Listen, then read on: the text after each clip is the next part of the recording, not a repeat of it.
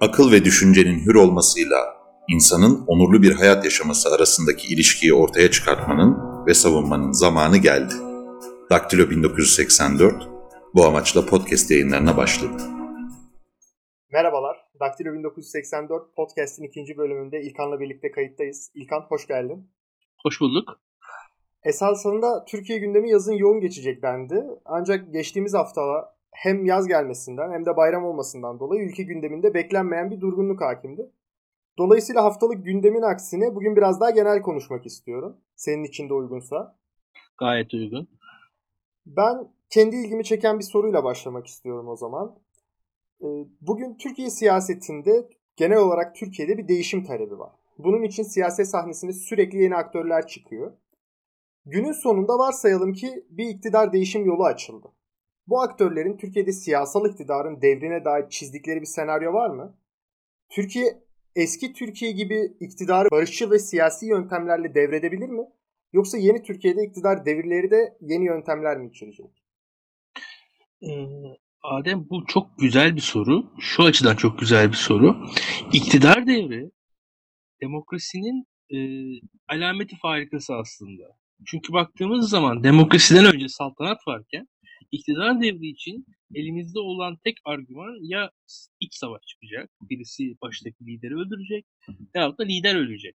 Yani kan ve ölüm olmadan bir iktidar devrinin olmadığı bir sistem vardı. Bunun arkasındansa iktidar devrinin daha düzenli ve organize olduğu, organize şekilde gerçekleştiği bir sisteme doğru geçildi. Yani Cumhuriyet demokrasi esasında iktidar devrini sistematikleştirmiştir. Yani Osmanlı'da bizim kardeş katline kadar gittiğimiz, sonrasında e, seniority, işte ailedeki en yaşlı bire, bireyin e, başa geçmesi sistemine döndüğü, e, döndüğü sistemden Cumhuriyete demokrasiye geçiş aslında bir temelde ilk başta bir iktidar devri kodifikasyonudur. Şimdi burada e, bizim açımızdan iktidar devrinin e, bir problem olarak önümüzde olduğu açık. Çünkü Türkiye her ne kadar çok genç bir demokrasi değil. Hatta Türkiye'de neredeyse 150 yıla yakın bir anayasal e, dönem var. Türkiye'de işte 90 yıllık bir cumhuriyet var, 60 yıllık bir demokrasi var ama bir yandan da bu sistem bizde sürekli inkitalara uğramış. Ve, ve, de, ve bu da e, bu inkitalarda iktidar devrinin kurumsallaşmasını engellemiş aslında. Yani e, baktığımız zaman e, Türkiye'de İsmet Paşa, İsmet İnönü 1950'de iktidarı 46 e, inkitasına rağmen sonunda devretmiş Demokrat Parti'ye. Ancak Demokrat Parti iktidarı devretmemiş. Demokrat Parti iktidardan düşürülmüş 27 Mayıs'ta darbeyle beraber. Yani bu e, darbeler aslında Türkiye'de e, beklediğimiz kadar iktidar devri olmadığını, hani demokratik iktidar devrinin sayısını çok azaltıyor aslında Türkiye'de. E, yani bizim elimizde 70 yıllık neredeyse bir demokrasiye yakışan bir e, tecrübe yok. Bir defa bunu söylemek lazım. Arkasından e, Türkiye'de sistemin de gerek yargı, gerek YSK açısından, gerek medya açısından e, belli sıkıştığını görmemiz gerekiyor. Bunlar da bunlar da sistemi daha da zorlayan şeyler. Bunu da bir, bir kenara koyalım. Yani elimizde aslında bir problem var. Henüz bu problemin biz boyutunu bilmiyoruz. E, son yerel seçimlerde problemin ucunu gördük. Yani seçim tekrar edildi. 6 Mayıs YSK'nın kararıyla seçim tekrar edildi. Burada ortada bir sorun olduğu ortaya çıkıyor. Yani birincisi iktidarın kendisinde. Yani şu anki AK Parti iktidarının ne yapacağına dair kendi fikri yok. Bir defa bunu ortaya koymak lazım. Çünkü AK Parti iktidarı her ne kadar güçlü ama ne yapacağını bilmiyor. Çünkü bu YSK'nın kararının geç açıklanmasından ortaya çıkıyor benim benim açımdan. Yani e, AK Parti'de ne yapacağını tamamen bilen böyle bir e, Master of Evil falan bir e, nokta da değil. Ama şu var çok güçlü. Olması gerektiğinden daha güçlü bir iktidar var karşımızda. Yani kurumlarla sınırlanmamış bir iktidar var. Şimdi burada e, önümüzde gerçekten bir sorun var. Bu sorun nasıl çözülür? Çok kötümser olmamak gerektiğini düşünüyorum bir defa. Yani e, kötümserliğin de faydası olmadığını düşünüyorum bu açıdan. Yani bir defa bir iç o, içsel iyimserliğe sahip olmamız gerekiyor diye düşünüyorum. Çünkü ne olursa olsun Türkiye'nin 150 yıllık anayasal sistemi var, 90 yıllık cumhuriyeti var, 70 yıllık demokrasisi var. Bunlar az şeyler değil. Yani Türkiye'de sonunda insanların sandığa saygı duyma kültürleri var. Yani e, mesela bakarsanız Brezilya'da asker iktidarı 60'larda geldi. 80'lerde ayrıldı. 20 yıllık bir askeri dönem yaşandı. Atıyorum Güney Kore'de hakeza öyle. Türkiye'de askeri dönemler bile kısa süre sürüp süre yaşandılar. Yani 27 Mayıs yaklaşık bir, bir buçuk yıl, 12 Eylül yaklaşık, yaklaşık 3 yıl yaşandı. Yani Türkiye'de demokrasinin, meclisin, demokrasi ara verilen, meclisin kapandığı dönemlerde kısa sürdü. Ee, bunların Türkiye'ye getirdiği belli tecrübeler, alışkanlıklar var. Bunlara önemsemek gerektiğini düşünüyorum. Yani e, kurumlar kadar bu alışkanlıklar da önemli ve bize ileride fayda sağlayacaktır diye düşünüyorum. E, ama bir defa elimizde bu problemin olduğunu görmemiz gerekiyor. Şimdi Türkiye'nin e, baktığımız zaman yaptığı baya e, büyük başarılardan birisi bu iktidar devirleri şimdiye kadar. Yani 2002 yılında yaşanan şeyi düşünelim. Türkiye'de Bülent Ecevit vardı, Mesut Yılmaz vardı, Devlet Bahçeli vardı. Ve bunlar evlerine gittiler. Yani Türkiye'yi yöneten insanlar e, kendi pullarını pırtlarını toparladılar. Hepsi beraberce emekliye ayrıldılar bu insanlar. Ve bu yaşanabildi Türkiye'de. Buna benzer bir şey Türkiye'nin etrafında Yunanistan ve Bulgaristan hariç hiçbir yerde yaşanmamıştı. Doğrusunu söylemek gerekirse. Ondan da önce mesela İsmet İnönü'nünki de yani İsmet İnönü'nün yaptığı iktidar devri de çok önemlidir. Bir köşe taşıdır bence. Çünkü dev, devletin bütün kurumlarına, kurucu babanın en yakın insanlarından birisin ve buna rağmen iktidarı barışçıl yollarla seçim kaybederek devrini yapıyorsun. Çok büyük bir şey aslında bu demokrasinin gelişmesi açısından, ilerlemesi açısından. Kesinlikle öyle. Ee, bu açıdan bir de şunu da söylemem gerekiyor. Hmm, ben e, bu konularda hmm, pragmatik yaklaşan bir insanım. Tabii ki ilkelerim var ama sistemin yürümesinin ilkelerden de daha önde olduğunu da düşünen bir insanım. Onu söylemem gerekiyor. Ve şöyle açayım. 2002'yi hmm, şundan dolayı örnek verdim. Bir de sana karşı onu da belirteyim. Yani 2002 yılında bile bugün Suriye'de iktidar devrinin mekanizması yok. E, onun sonucunda ne oluyor? Hafızasat gidiyor, oğlu geliyor. İktidar devrinin mekanizması oluşmayınca karşımıza bu çıkıyor. Irak'ta henüz öyle bir mekanizma yok. İşte İran'da mekanizma daha oligarşik bir şekilde işliyor. Yani yarın e, Ayetullah Ali Hamenei e, vefat ettiği zaman yerine geçecek insan e, İran devletinin iç dengeleri açısından bir şekilde seçilecek ve arkasından kendi diktasını kuracak. Veyahut da Putin'den sonra Rusya'da ne olacağını hiçbirimiz bilmiyoruz aslında. Yani e, bu baya baya şey devletlerden bahsediyorum ben. Hani e, devlet gibi ciddi, kurumsal olduğu düşünülen devletler. İran'da, Rusya'da bile bu işler tam belli değil. Atıyorum Kuzey Kore'de e, işte Kim Jong-il, Kim Il-sung, en son Kim Jong-un falan. Yani baktığınız zaman üç kuşak oldu. Artık hani dededen toruna geldi iktidar. E, ve sistemin kurulamamasının sonuçları bunlar. Ve devam edersek e, Türkiye açısından da 17-25 Aralık e, soruşturmaları bu cemaatin yaptığı e, nispeten siyasal amaçlı müdahalenin e, de Türkiye'ye getirdiği böyle bir sıkıntı da var. Onu da söylemek gerekiyor. Yani iktidardan düşenin Türkiye'de e, bu e, 17-25 Aralık sonrasında beraber e, başına gelebilecek şeyler çok fazla.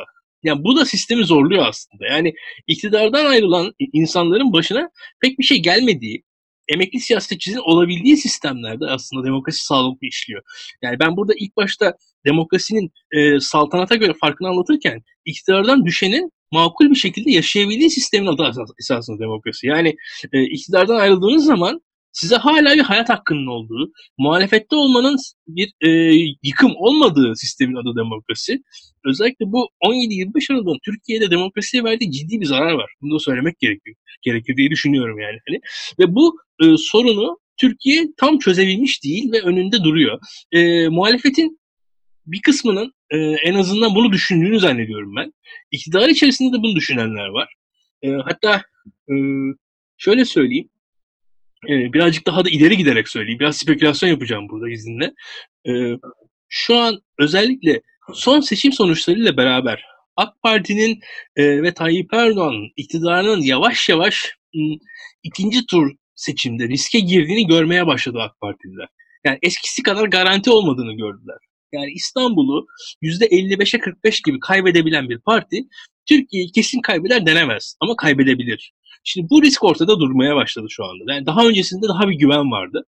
Ee, şu ortamda böyle bir şey yaşanırsa e, e, olacak şeylerden AK Partiler korkmaya başladılar. Birazcık da bunun etkisiyle yani bu sistemsizlik Türkiye'deki kurumların aşınmasının da etkisiyle AK Parti çevrelerinde yavaş yavaş parlamenter sistem konuşulmaya başlandı. Şimdi e, bunu da söylemek gerekir. E, ve parlamenter sistem neden AK Parti çevrelerinde yavaş yavaş hani bu özellikle iktidara en yakın AK Partililer değil. AK Parti'nin merkezinin birazcık daha dışında, yönetici merkezinin birazcık dışındaki AK Partililerde ya biz parlamenter sisteme geçelim. E, işte AK Parti'nin oyu biraz azalsın ama mecliste yine güçlü, en güçlü muhtemelen parti olarak dursun. O parti orada durduğu zaman zaten iktidar devri gerçekleşse bile e, bir devri sabık yaratılamaz. Sonuçta AK Parti kendi ağırlığını e, gücü ölçüsünce korur ve sistemdeki dönüşüm daha yumuşak sağlanır diye bir fikir var AK Partililerde. Bu da aslında e, iktidar devrinin nasıl bir sorun olduğunu, kurumların ne kadar önemli olduğunu ortaya koyuyor diye düşünüyorum. Çok doğru. Burada bu oyunu kaybedenin her şeyi kaybettiği, kazananın her şeyi yani winner takes all dedikleri o kazananın bütün iktidarı kazandığı bir sisteme dönüştürmek günün sonunda hal hazırdaki iktidar sahibinin daha çok bağlanmasına ve orayı e, o koltuğu bırakmasına çok büyük bir engel teşkil ediyor. Ve aslında bir, burada bir nevi e, muhalefetin de bir fedakarlık yapması gerektiği ortaya çıkıyor. Daha doğrusu muhalefetin saldırgan olmaması gerektiği, iktidara geldiğinde saldırgan olmaması gerektiği ve bunun ülke açısından bir menfaat sağlamadığı ortaya çıkıyor. Ama bunu anlamak tabii ki e, biraz zaman alan bir şey. Biraz e, fedakarlık gerektiren aynı zamanda zaman alan bir şey. Şimdi e, şöyle söyleyeyim. E, İlber Ortaylı'ya sormuşlardı Osmanlı'da hoşgörü nedir diye. İlber Ortaylı da samimi bir şekilde ve ciddi bir şekilde hoşgörü yoktur, zorunluluk vardır demişti. Esasında demokrasi birazcık da bu. Yani aslında e, belli bir kurumsallaşmanın olması herkes için iyi neticede. Yani o kurumsallaşmanın e, uzun vadede iktidardan düşeni de koruması korumayı korumasını sağlayacağını düşünüyorum ben bu açıdan. Yani şu an Türkiye'de aslında AK Parti e, kendisi bir ölçüde yıktığı, bir ölçüde kurmadığı. Açıkçası AK Parti'nin yıkıcı e, her tavrı yanlış değildi bence. Hani o Kemalizm eleştirilerini düşünerek söylüyorum.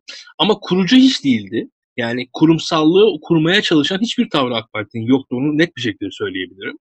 E, ve bu tavır neticede e, bir noktada AK Parti'yi de vurmakta vuruyor zaten. Ve e, şu anki nispi çaresizlik de bundan kaynaklanıyor diye düşünüyorum. AK Parti'den başladık. O zaman AK Parti'den devam edelim. AK Parti özelinde Türkiye İslamcılığına geçmek istiyorum ben. Türkiye İslamcılığı siyasal alanda Erbakan'la başladığını söylesek yanlış olmaz diye düşünüyorum. Daha öncesinde Necip Fazıllar vesaire var. Modern Türkiye İslamcılığı yani Osmanlı'ya e, gitmezsek eğer.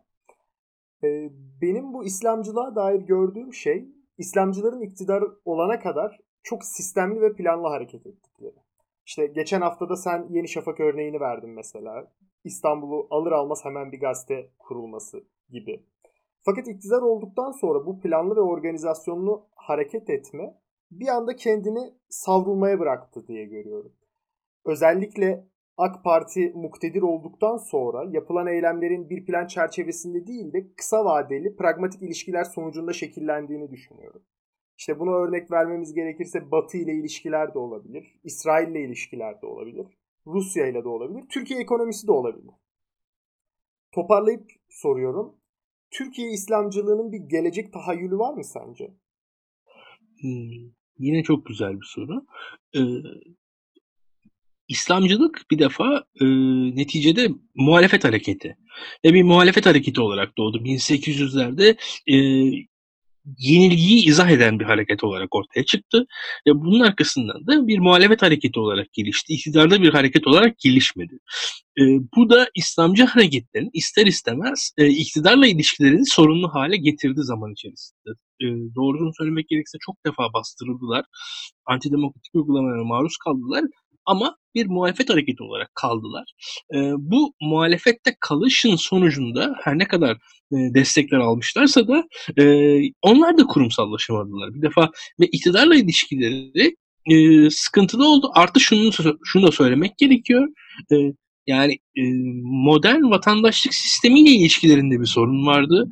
E, modern demokrasi demokrasi ilişkilerinde sorun var. Yani Türkiye muhtemelen e, Tunus'la birlikte belki e, hani iktidarla gelip giden e, bir kendi dışında da siyasal zeminin olduğunu kabul eden bir İslami hareket ne kadar var, ne kadar ulaşabilir o soruların soruların da cevabını muhtemelen önümüzdeki 10 yılda verecek.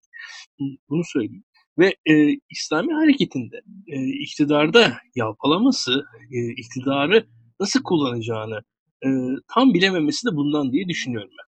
E, ama bu soru çok uzun bir soru. Yani hani biraz bir noktadan sonra ben de spekülasyon yapıyorum. Yani e, çok somut şeylere de dayanmadığı için acaba neden diye insan düşününce e, bu e, lider şahsında e, gücün birikmesinden olabilir. Dünya ile ilişkiler e, ve o ilişkilerin e, e, durduğu zemin tamamen e, pragmatik noktadan algılanmasından dolayı olabilir. Yani çünkü şöyle e, İslami hareketin derinlerinde yatan reddiye ile beraber e, o reddiyeyi siz e, sergileyemiyorsunuz e, yönetiminizde. İster istemez pragmatizme kayıyorsunuz. Bu da sizi e, bir noktadan sonra ilkesizliğe doğru götürüyor. Ve burada da hani e, şey iktidar için iktidar olmaya doğru gidiyorsunuz bir yerden sonra diye düşünüyorum. Burada yani benim sorma daha çok eğilmek istediğim nokta şu. Tayyip Erdoğan sonrası Türkiye İslamcılığı gelecekte nerede olacağına dair bir fikir besleyemiyorum ben. Muhtemelen içlerinden bir grup daha radikal bir şekilde ayrılacak. Bir grup kendisini merkeze çekmeye çalışacak. Daha merkezi bir hal almaya çalışacak ama e, kişi bazında karizmatik otorite bittikten sonra ne yapacaklarına dair bir fikrim yok ve bunu 17-18 yıllık süreçte de inşa edebildiklerini düşünmüyorum. E, bu açıdan çok haklısın. Bir defa şunu söylemek gerekiyor. İnsanların dini metinlerle olan ilişkisi doğrudanlaştıkça belli bir kitle radikalleşecek. Yani bunu engelleyemeyiz. E, ve Türkiye'de de bu radikalleşmeyi muhtemelen e, AK Parti iktidarı son 17 yılda önledi diye düşünüyorum. 17-18 yılda önledi nispeten. Ama e, AK Parti sonrasında ben e, radikal İslami hareketin yani şu an hani radikal derken gerçekten radikal yani. yani bu e, AK Parti gibi de değil, daha radikal bir hareketin, çok daha radikal bir hareketin e, nispeten güçleneceğini düşünüyorum. Yani güçlenecek derken de şu böyle iktidara gelecek anlamında söylemiyorum. söylemiyorum. Yine bir muhalefet hareketi olacak ama e, çok güçlü, çok sert bir çekirdek muhalefet hareketi gene olacak diye düşünüyorum. Bu e, Saadet Partisi falan gibi partiden bahsetmiyorum. Daha radikal, daha sert bir partiden bahsediyorum. E, ama bunun dışında geniş kitlelerin e, ve geniş kitleleri peşinden sürükleyecek hareketlerin e, daha e, mutedil noktalardan çıkacağını düşünüyorum. O da Türkiye'nin karakteriyle alakalı olacaktır diye, diye, diye bir tahminim var. E, bunun dışında da e, dünya ile aslında kurulan ilişki bence önemli. Yani bugün e, Türkiye'de bir İslam yaşanıyor. Türkiye'de bir İslam e, İslami dönüşüm de yaşanıyor aynı zamanda. Benzer şekilde Batı İslamı var. Ve yine benzer şekilde e, birçok İslam ülkesinde e, farklı İslamiyetler yaşanmakta. Şimdi bu yeni e, ortaya çıkan dini yorumlar ve yaklaşımların siyasal alan, alanda karşılıkları olacaktır diye düşünüyorum ben. Yani e, bugün Amerika'da milyonlarca Müslüman var. Bugün Avrupa'da neredeyse 50 milyon Müslüman var. Şimdi bu insanların e, yaşadıkları hayattan da farklı bir siyasallığın ortaya çıkacağını düşünüyorum. Yani e, şu ana kadar e, Avrupa'dan çıkan şeyler Orta Doğu'ya dair şeyler. Hani Avrupa İslam'ından Orta Doğu'ya dair, Asya'ya dair, Afrika'ya dair fikirler. Daha çok hani e, işte IŞİD'e katıldılar, radikalleştiler falan dendi. Ama bir noktada esasen orada e, batılı demokratik toplumlarla olan temasları üzerinden farklı bir İslamiyet'in ve farklı bir İslamiyet'in çıkabileceğini düşünüyorum. Aslında e, daha ilginç şeylerin oradan çıkacağını düşünüyorum daha doğrusu. O zaman AK Parti'den ayrılanlarla devam edelim. Gündemimizde yine Ali Babacan var. Ali Babacan e, yine sessizliğe büründü. En son bir açıklama yaptı. Şu an yine bir oluşumun içinde olduklarını, bu oluşumun kimlerden oluştuğunu bilmiyoruz ve bu oluşumun sözcülerinin, fikirlerinin ne olduğunu bilmiyoruz. Genel olarak bir e, kelime seçiminden anlaşılabilecek bir vurgulama var. Ancak bunun dışında kendisinin herhangi bir gündemle alakalı konuştuğu hiçbir şey yok. Ali Babacan'ın konuşmamasına, bu kadar sessiz kalmasına ne diyorsun? Nasıl yorumluyorsun bu tavrını ve onun için iyi mi kötü mü olduğunu düşünüyorsun? Ee, Ali Babacan'ın tavrının e, bir kaynağı var. Ali Babacan'ın tavrının kaynağı ve bu sessizliğinin kaynağı aslında Türkiye'deki bu iktidar dönüşümünün e, nispeten sorunsuz gerçekleşeceğine dair bir inanç olduğunu düşünüyorum. Yani Ali Babacan'a göre muhtemelen Türkiye'de bu kadar da büyük bir sorun yok. E, yani biz bu işi çok daha sakin bir şekilde hallederiz diye düşünüyor diye bir tahminim var. Yani Ali Babacan'a dair ilk başta bakışım bu. Çünkü bunu başka türlü anlamlandırma mümkün değil. E, tahminim var derken e, Ali Babacan'ın fikrinin yanlış olduğunu düşünüyorum. Ali Babacan gibi siyaset yapılmasının e, şu aşamada hatalı olduğunu düşünüyorum. Yani ben burada demiyorum ki e, AK Parti'ye Ali Babacan e, tamamen bir reddiye, reddiyeli ortaya çıksın, Tayyip Erdoğan hakkında sert sözler söylesin. Bunlara gerek yok. Ama insanın kendi fikrini çok net bir şekilde e, ifade edebilmesi gerekiyor eğer siyasetçi ise. Bir siyasetçilik demek, e, siyasetçilik demek ilk başta fikrinizi ifade edeceksiniz. Bugün en basit Radikal Sol Parti'nin bir gazetesi var, bir dergisi var. Yani e, veyahut da bir internet sitesi var. Siz bir dernek kuruyorsanız bile bir kendinize site kuruyorsunuz, manifesto yazıyorsunuz. E, şirketlerin bile e, işte vizyonları var, misyonları var internet sayfalarında. Bakıyorsunuz kendini anlatıyor şirketler. En basit şirket bile kendini anlatıyor.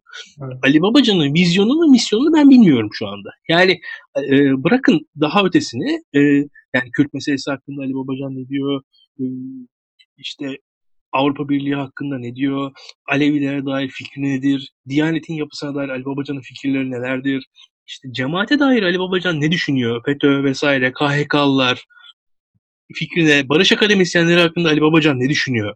Veyahut da Yiğit Bulut hakkında, Merkez Merkez Bankası hakkında, e, Varlık Fonu hakkında Ali Babacan'ın fikirleri neler? Ben bunları merak ediyorum. E, bunları merak et, e, bunlar hakkında fikir olmadıktan sonra Ali Babacan'ın benden oy almasının zaten imkanı yok. Yani e, burada çok net bir e, tutarsızlık var. Bir defa bunu söylemem gerekiyor. E, tabii bu İslami hareketin ve Türkiye sağının daha çok e, kol kırılır yen içinde kalır. İşler kendi aramızda halledilir.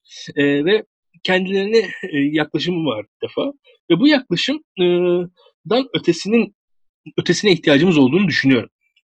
Bir defa bunu söylemem gerekiyor.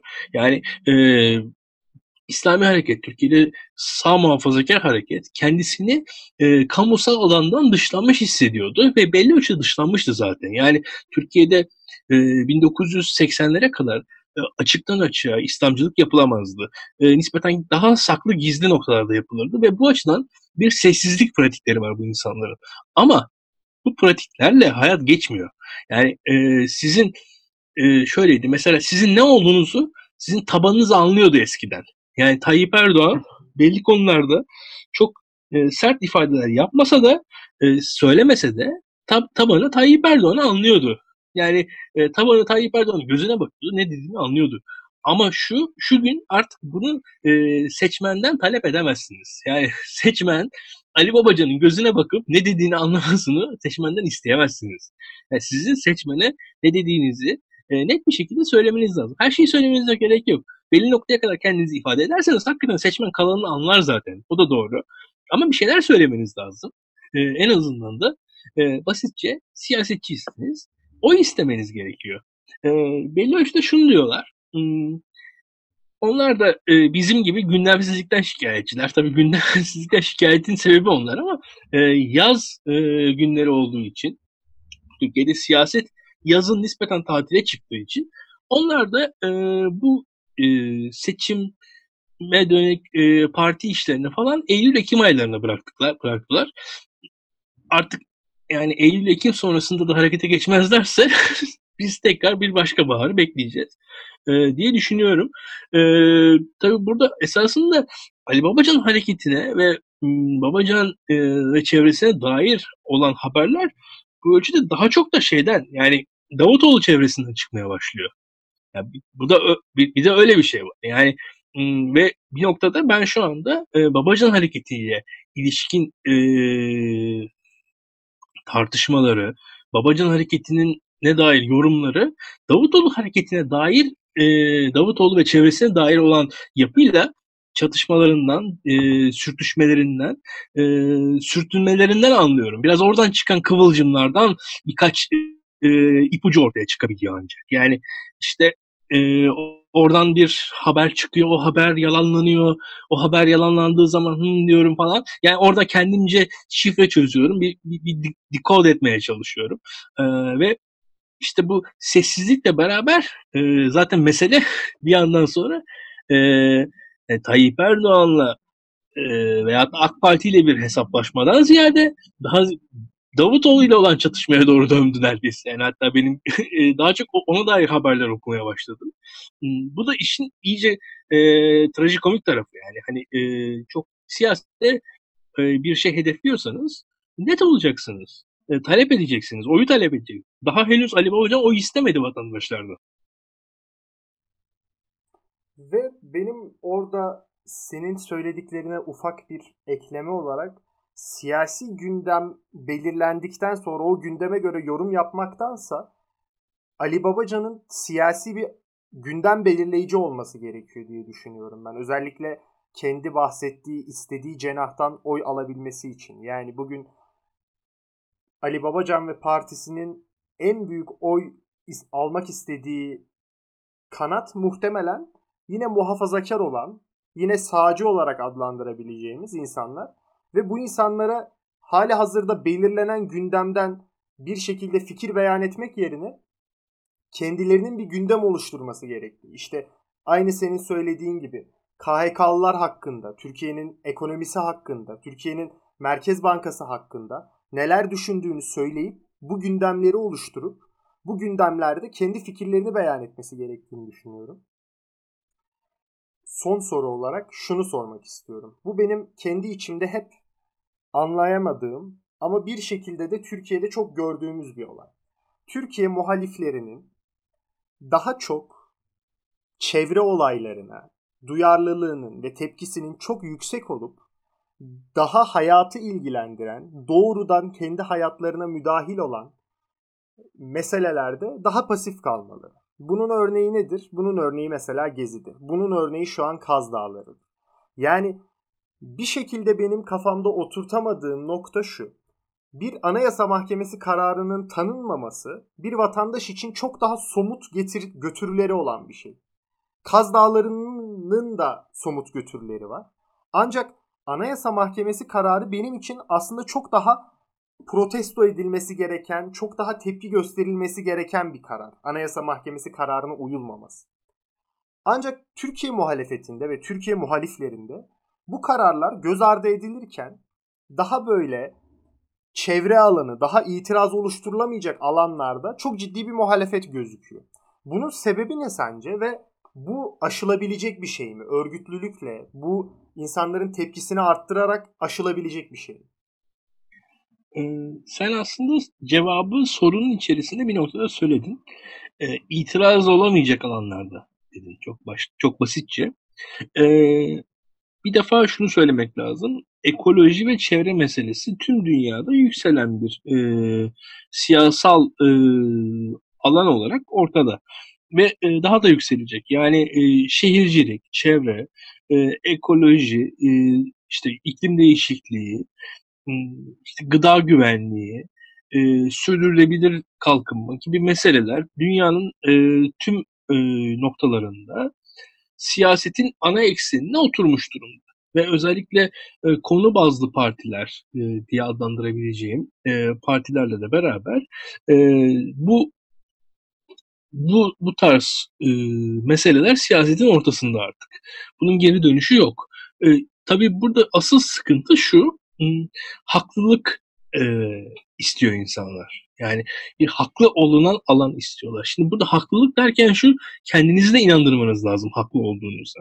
E, burada muhalefetin e, bu dediğin alanlarda yani Anayasa Mahkemesi kararı gibi işte KHK'lar gibi veyahut da işte hükümetin yaptığı insan hakları ihlalleri gibi e, işte gözaltı sürelerinden tut e, işte işkence iddialarına oradan e, işte devletin keyfi uygulamalarına, cezalara, rütüye falan birçok noktaya gidersem burada aslında e, muhalefet e, organize ve örgütlü değil. Ve e, daha ziyade kendisi endokrine değil. Yani kendisi ideolojik olarak muhalif değil. Yani muhalefet muhalif değil henüz. E, burada muhalefet kendisi yani muhalefet aslında şu iktidardan olmadığını biliyor Ama neye muhalif olduğunu bilmiyor henüz muhalefet aslında. E, Kaz Dağları gibi bir e, çevre meselesi olduğu zaman iyi kötü e, o, o çok rahat inandırabiliyor. Aha ağaç, aha kesildi. Çok somut bir şey. Muhalefet yapabiliyor. Muhalefetin kendisi endokrine değil. E, burada mesela kurumsallık dedik. Kurumsallığın önemli olduğuna muhalefetin tamamı kendi kendisini ikna etmiş durumda değil. Veyahut da hukuk. E, işte mahkeme hakkı basit bir temel e, anayasal haklar konusunda muhalefet kendi haklarına kendisini ikna etmiş durumda bile değil aslında Türkiye'de. Yani burada e, biraz da sıkıntı orada. Her şeyin yapılabilir olması, e, iktidarın keyfi kararlar alabilmesinin rahatlığı da biraz buradan kaynaklanıyor aslında. Yani e, ve burada da e, çevre gibi alanlar insanların e, kendi vicdanlarıyla daha rahat bir şekilde pozisyon alabildiği alanlar haline geliyor. Aslında e, insanlar yine vicdanlarıyla atıyorum bu senin dediğin anayasa mahkemesi kararlarına karşı da tavır alabilirler ama henüz o vicdanı oluşturamadı muhalefet. Öyle söyleyeyim. Yani bunun için de medya gerekiyor. Bunun için de işte ideolojik bir e, endokrinasyon gerekiyor. Belli bir e, söylem, diskur gerekiyor. Bunların hiçbirisi yok ortada. Yani biz e, kendimiz nispeten hani endokrine muhalifler olarak, aktivistler olarak bir kenarda konuşabiliriz ama e, ikna edebildiğimiz bir kitle, motive edebildiğimiz bir topluluk yok. Yani çok haklısın, doğru söylüyorsun ama ben dediğim gibi 6 tane insan 6 ay boyunca kayıptı. Ömer Faruk Gergerlioğlu ve birkaç milletvekili bir kampanya başlattılar. Dördü bir anda Ankara Emniyetinde beliri verdi.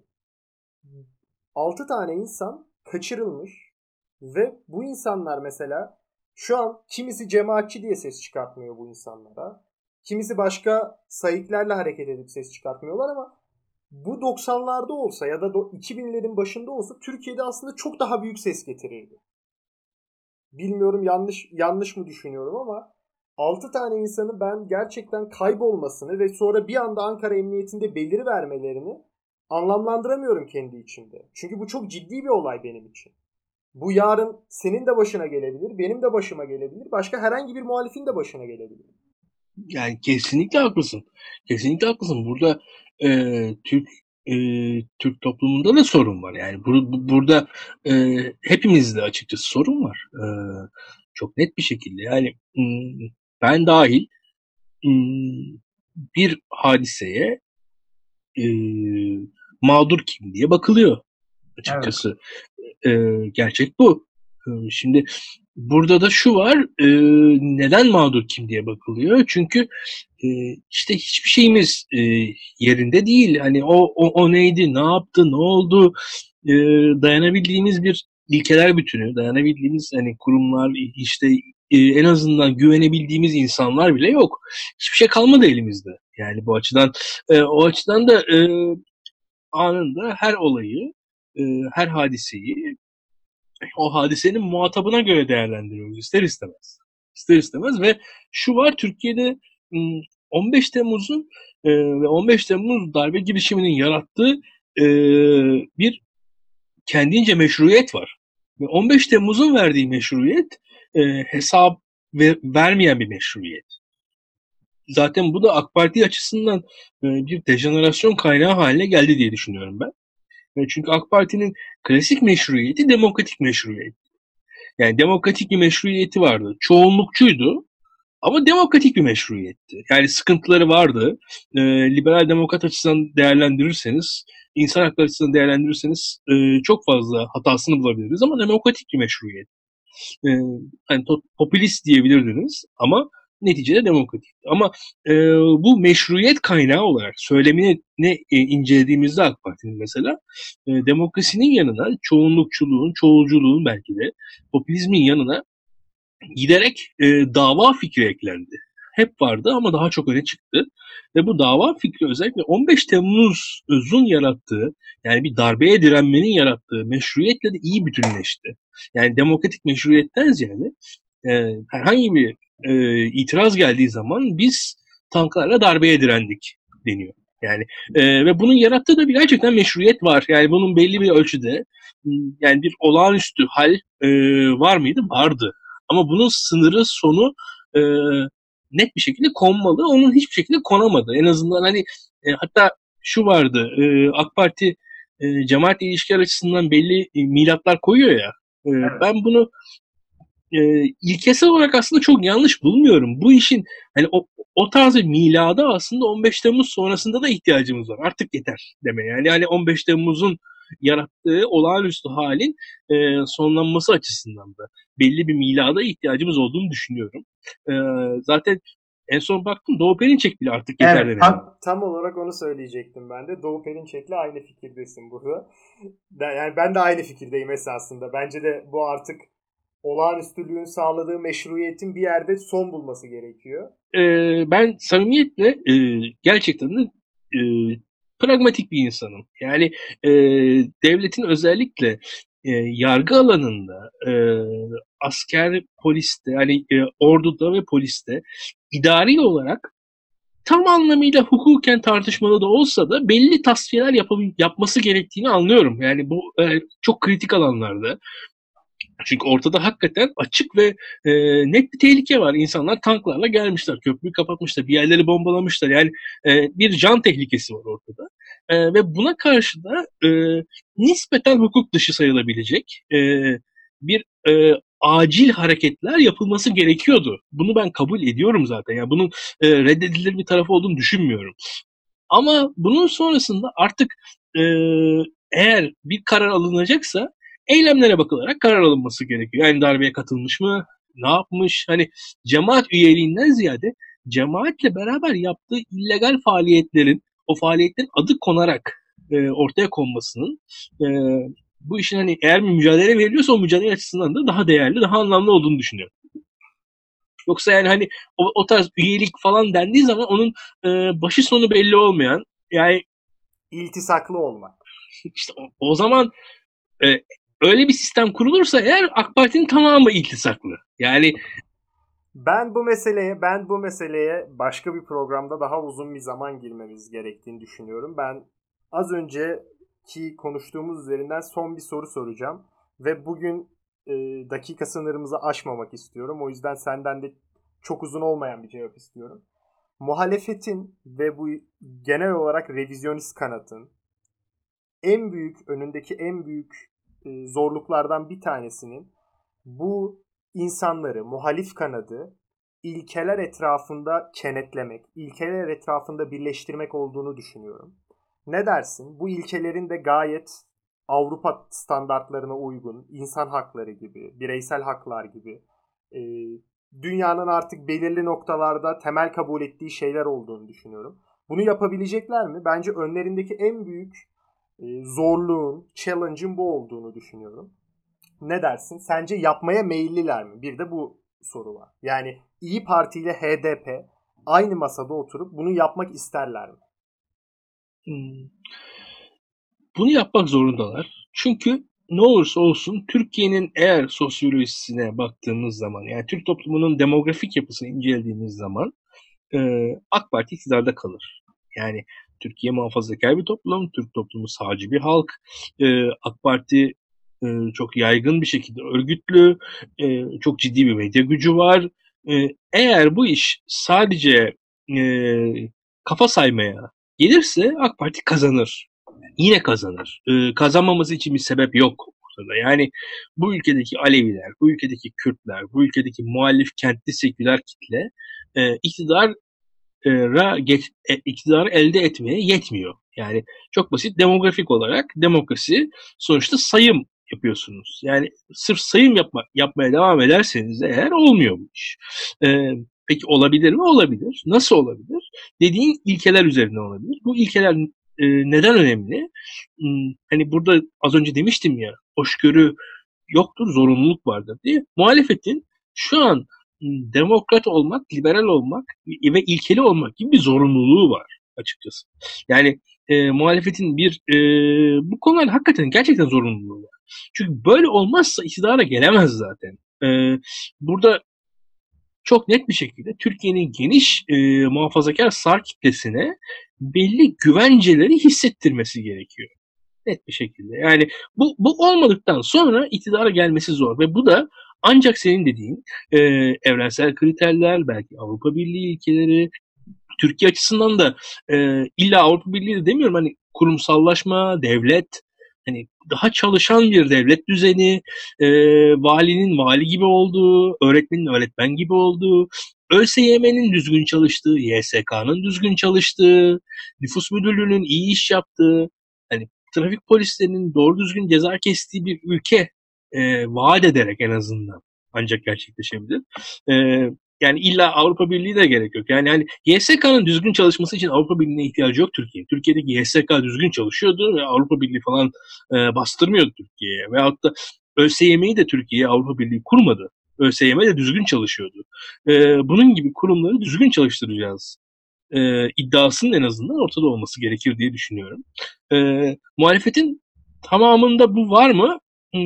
Bir kısmında yok. E, bir kısmında var. E, e, şu an bence muhalefetin iktidarda olan kısmında var bu e, e, fikir. Ama ne kadar uygulayabilirler beraber göreceğiz.